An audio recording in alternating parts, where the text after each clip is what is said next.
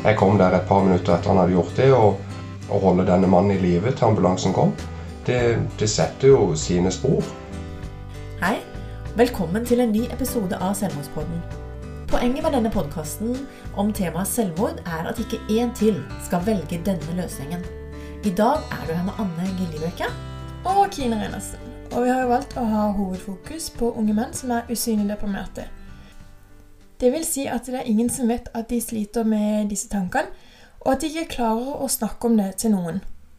Vi har fokus på historier, og du kommer til å møte veldig mange forskjellige mennesker som har tanker rundt temaet selvmord her i podkasten. I dag skal vi ha intervju med Tommy. Han er 30 år, utdanna industrimekaniker. Han jobber som forsikringsrådgiver og på avlastningshjem for barn med autisme og funksjonshemminger. Og så har han en datter på fire og et halvt år. Han stiller i poden for å støtte opp om å informere flest mulig om psykisk helse, og så skal han fortelle oss litt om sin far som prøvde å ta livet sitt. Tommy, først av alt, kan ikke du fortelle litt om eh, utfordringer som du har møtt i livet til nå, og hvordan har du kommet deg gjennom de? Det er jo mye av det samme som, som andre på, på barneskole og ungdomsskole. Det har vært eh, mobbing. Eh, en har blitt plagd der. En har ikke alltid følt at en, en passer inn til tider. Og det har jo ført med seg at en gjerne da skal føle seg bedre med å, å mobbe andre. Noe som en da sitter igjen med en utrolig dårlig samvittighet av. En ble jo sinna og aggressiv. Det var ikke det at en skulle slåss og herje, men, men at, en, at en ble fort sint og, og lot de følelsene ta, ta overhånd til enhver tid. Og en, en, klarte ikke helt å roe det ned. Og det, det var den korte lunta. Og at en, en satt med en dårlig selvfølelse og aldri følte seg bra nok. Og jeg begynte vel å jobbe for fullt med meg sjøl eh, seint, vil jeg si, i forhold til hva en trenger. Og det er 25 år og utover, og jobber fortsatt med disse tingene. Og føler det går Det er på bedringens vei, og en føler seg mye bedre med seg sjøl. Og, og, fra nå så har jeg nok ikke vært eh, ordentlig sint på på gode tre år. En kan bli irritert, en kan bli lei seg, en kan bli ufattelig glad, en kan grine. Men, men det, det, sinnet det er det som, som tærer ned et menneske, og, og, det er da en ikke klarer å plutselig å se utveier. For det, du går bare og bærer på sinnet. Og hvordan har du kommet til der hvor du er i dag? Det er jo gjennom, eh, gjennom gode venner, eh, en fantastisk kjæreste, ei datter på, på, snart fem som gjør hverdagen lysere. Og jeg merker det at jeg vil eh, jeg vil være en bedre pappa enn, enn det jeg hadde sjøl. Jeg vil gjøre alt for den jentungen, at hun skal føle seg verdsatt hver eneste dag. Og hun hjelper jo selvfølgelig meg på mine tunge dager, for et smil fra hun gjør jo min dag veldig mye lettere. Nå fokuserer vi jo en del på gutter og unge menn eh, her i podkasten. Og unge menn bruker jo ofte mye humor og spøk for å slippe å ta tak i følelser og snakke om de vanskelige tingene. Og hvilke erfaringer har du gjort deg i forhold til dette? Det er jo sånn at gutter skjuler ufattelig mye bak humor og spøk. Eh, en kjenner svært godt til det. En spøker ofte vekk problemer både med venner og familie hvis man ikke vil eller føler for å snakke om det. Eh, det kan være tungt, eller du føler deg ikke trygg på å snakke med noen. Og når en da ikke føler seg trygg på å snakke med nære venner engang, da, da må en ta tak i det. Altså. Det, det er da den kommer inn i, inn i en mørk tunnel. For da føler han at han ikke har noen å, å dele disse gjerne bekymringer, problemer eller traumer med. Det kan være alt fra familieproblemer, det kan være at en føler seg uvel med, med, kropp, eller at en har en ufattelig dårlig selvtillit eller selvfølelse, som jeg vil si er to forskjellige ting. Det er det at en, må lære seg å snakke, og gutter er flinkere til å spøke enn jenter. For jenter har kommet lenger på den fronten der med å kunne lære seg å snakke om ting med venninner og familie. Det er jo litt det at eh, kanskje det er mer akseptert i ung alder også at jenter snakker mer eh, om problemer enn det, enn det gutter gjør. Og det er jo en god del lettere å bare å spøke det vekk istedenfor å, å virkelig ta tak i, i, roten av problemet. Nå har det jo vært eh, en del eh, ting som har skjedd i ditt liv fram til nå.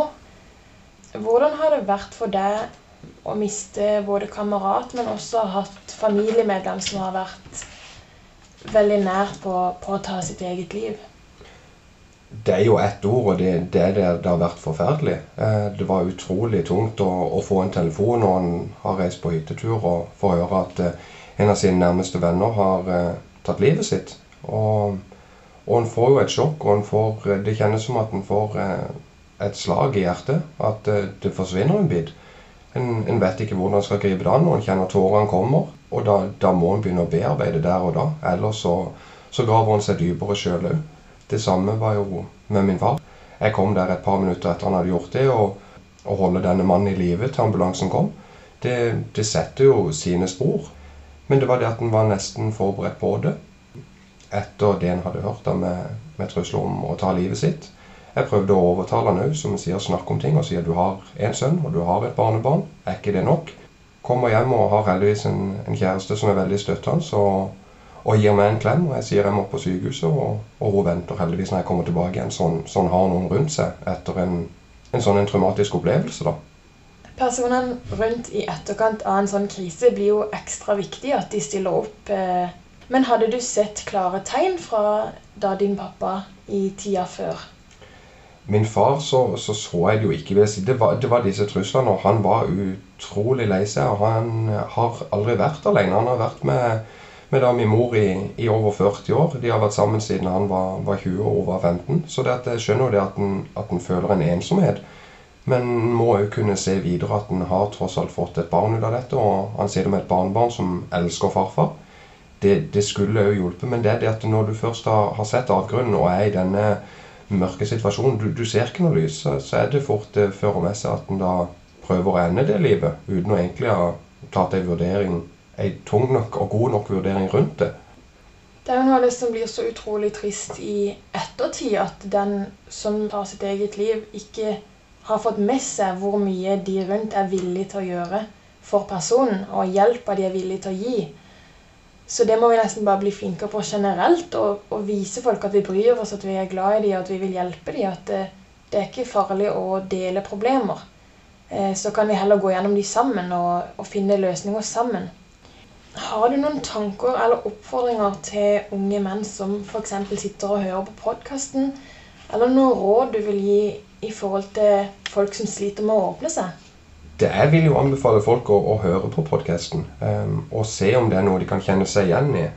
At de vet det at et lite problem hos de eh, kan være et stort problem hos andre, og motsatt. Det er ikke sånn at en skal, skal lede vekk fordi om du tenker at dette er jo noe en bare kan, kan, jobbe seg gjennom. For det kan være utrolig tungt for den andre personen.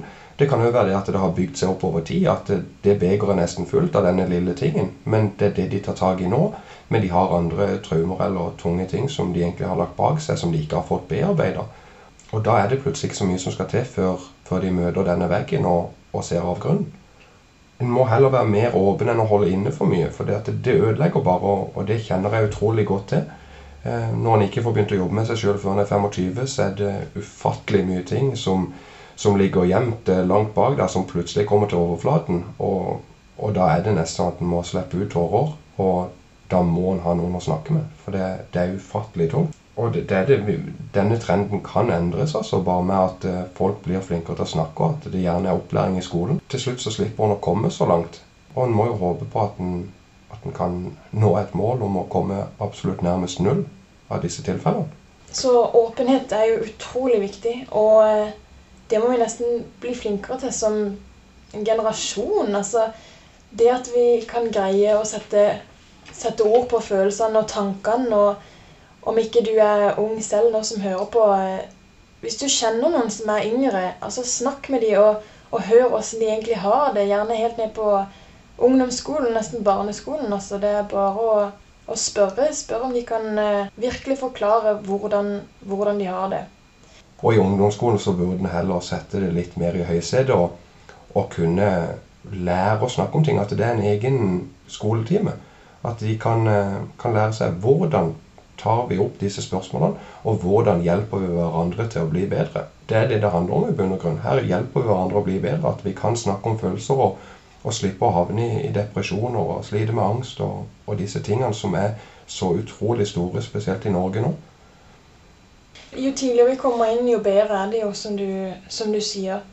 I forhold til selvmord, nå spør jeg bare veldig direkte, men mm. har du selv vært inne på denne tanken? Tanken har en, har en, jo selvfølgelig vært inne på, men det er jo det at eh, jeg har et barn, jeg har en kjæreste, jeg har ei mor jeg er ufattelig glad i. Jeg har òg en far på nå dessverre et omsorgssenter som jeg er glad i. Jeg har utrolig gode venner som jeg har satt pris på i alle år. så det å være inne på tanken, det tror jeg det er utrolig mange som har vært, uten å ville si det. Og det er nok folk i de beste og de dårligste kretser. Men jeg vil, jeg vil si det at det, det har aldri falt meg inn så langt at jeg vil gjøre det, men at tanken har slått deg. At det er sånn Er det lettere? Det har nok eh, ofte vært der. Men jeg ser det at uh, min datter skal, skal, se at pappa elsker henne overalt på jord. Og de gangene når, når hun sier hun elsker pappa, så, så er det aldri en, tanke som slår meg, for hun skal hun skal ha det fint med pappa, hun skal ha det fint med, med mamma. Og nei, det, det, kan ikke, det, kan ikke, skje, for dattera mi skal, skal, ha en kjempeflott oppvekst med oss begge. Mm. Det er veldig sant det du sier. altså Viktigheten av å se de rundt som bryr seg om deg. Det at du sier at du har mange som du vet er glad i deg, som bryr seg om deg. Det å ta selvmord blir ikke riktig utvei av problemet. Det er jo akkurat det, men eh, jeg syns òg det er synd fordi at eh, folk har blitt flinkere nå, og jeg er glad for å kunne være med på podkasten og at vi kan snakke om det her. Men, men, det er ikke alle som har fått disse opplysningene. Det, det, er små opplysninger som veldig mange kan, men det er mange som ikke spør, og det er mange som ikke varsler om at de sliter. Og, mm. og da ser ikke de det som, som en easy way out. De ser på det som en ufattelig tung vei å gå. I forhold til gutter, hvor tidlig tror du at vi må inn og begynne å snakke med de også om følelsene? Nå ser jeg jo det at eh, i barnehagen er de utrolig flinke til å få barn til å snakke om følelser. Barn de har jo følelsene på utsida av huden de, så en ser når de er sinte, en ser når de er lei seg, en ser når de er glad. Eh, men det er jo det at etter barnehagen da, så, så slutter jo det gjerne av litt. Og gutter da bruker gjerne og er mer fysiske. Og jenter kan òg være det, men det er ingen de får snakka med i ettertid. Det er noen lærere som kan ta tak i det, eh, men, men det er da bra. Og når en da plutselig kommer til ungdomsskolen, og hvis en har opplevd samlivsbrudd fra tidligere, at eh, ja, jeg har skilte foreldre, så, så går det jo det, i det at da må en ta tak i det igjen. De kan ikke bare gå med dette frem til de plutselig da er voksne og myndige, og så skal de ta tak i det. I, i barnehagen så funker det bra, og det, det syns jeg er helt topp. Men det er det at du må ikke stoppe opp der. Eh, selvfølgelig første, andre, tredje klasse så sitter du jo fortsatt igjen når de er unge. Men det er jo det at eh, lærere må være der hvis det er samlivsbrudd og det som de får beskjed om. At ikke et barn eh, plutselig er midt oppi en skilsmisse, og kanskje mamma og pappa krangler og skriker til hverandre, og, og det barnet sitter på skolen og, og later som ingenting. For lærere får som oftest vite om et samlivsbrudd, at det er flytting eller hva enn. Og da, da, må de være der for barna. For det er gjerne de som, som får uh, traumer som de, de, sliter med i ettertid. De tenker gjerne at det går fint der og da, men det som jeg, jeg nevnte tidligere, at det, det er det begeret som fylles opp. At du føler det går fint, men, men det er jo noe som har satt seg. Helt til slutt, Tommy, tusen tusen takk for at uh, du kom i studio i dag. Og takk for at uh, du er en av de som tør uh, å vise åpenhet og tør å vise sårbarhet i forhold til livet, men også i forhold til selvmord. Tusen takk for at jeg ville ha med. Det setter jeg utrolig stor pris på. Og om en bare kan hjelpe en som, som kjenner seg igjen i samme situasjon, og vet at her så, så, kan vi gå videre. Jeg har venner rundt meg som, som er verdt det. Er det mer enn godt nok for meg? Til slutt så informerer vi om hvor dere kan ringe eller eh, sende SMS hvis dere trenger noen å snakke med. Da har vi Kirkens SOS og Mental Helse, som begge er døgnåpne krisetelefoner. Eh, de har også chattefunksjoner. Så har vi leve.no, som er landsforening for etterlatte ved selvmord.